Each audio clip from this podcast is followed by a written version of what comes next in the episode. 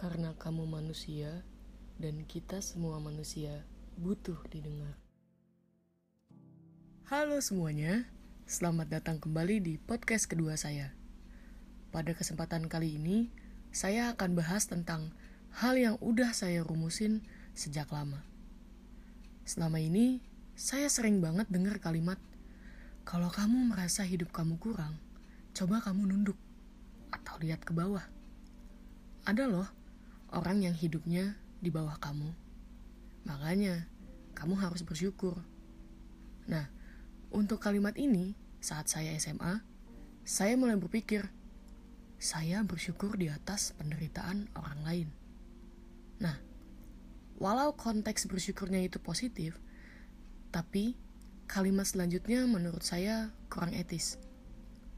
Meski saya nggak menuju pada orang tertentu, tapi tetap aja menjadikan penderitaan orang lain sebagai acuan untuk bersyukur kurang pas untuk saya.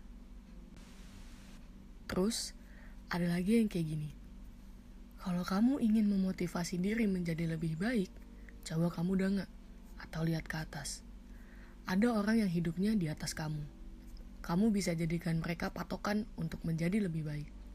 Nah, untuk kalimat ini, saya mulai berpikir, jalan hidup setiap individu jelas berbeda. Kenapa saya harus menjadikan orang lain sebagai patokan untuk menjadi lebih baik?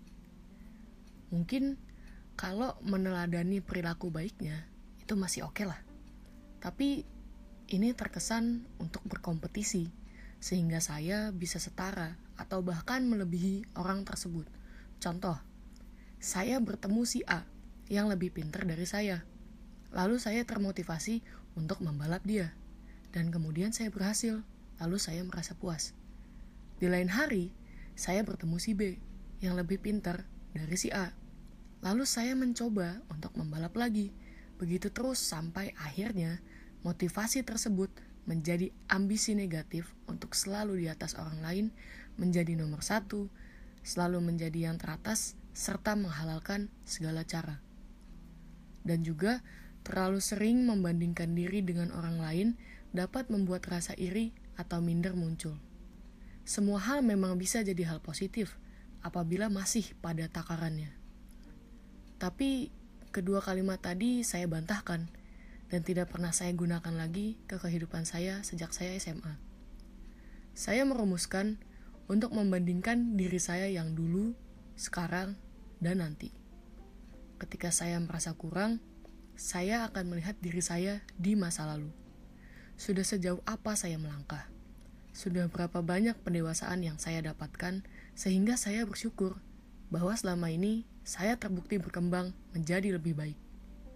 Lalu, ketika saya ingin memotivasi diri untuk menjadi lebih baik, saya akan melihat usaha saya di masa sekarang, lalu menyelaraskannya dengan tujuan saya apakah usaha saya sekarang sudah cukup pantas untuk mendapatkan tujuan saya? Sekian yang bisa saya sampaikan pada kesempatan kali ini. Makasih banget untuk yang udah dengerin. Semoga bermanfaat untuk kamu ya. See you on the next podcast.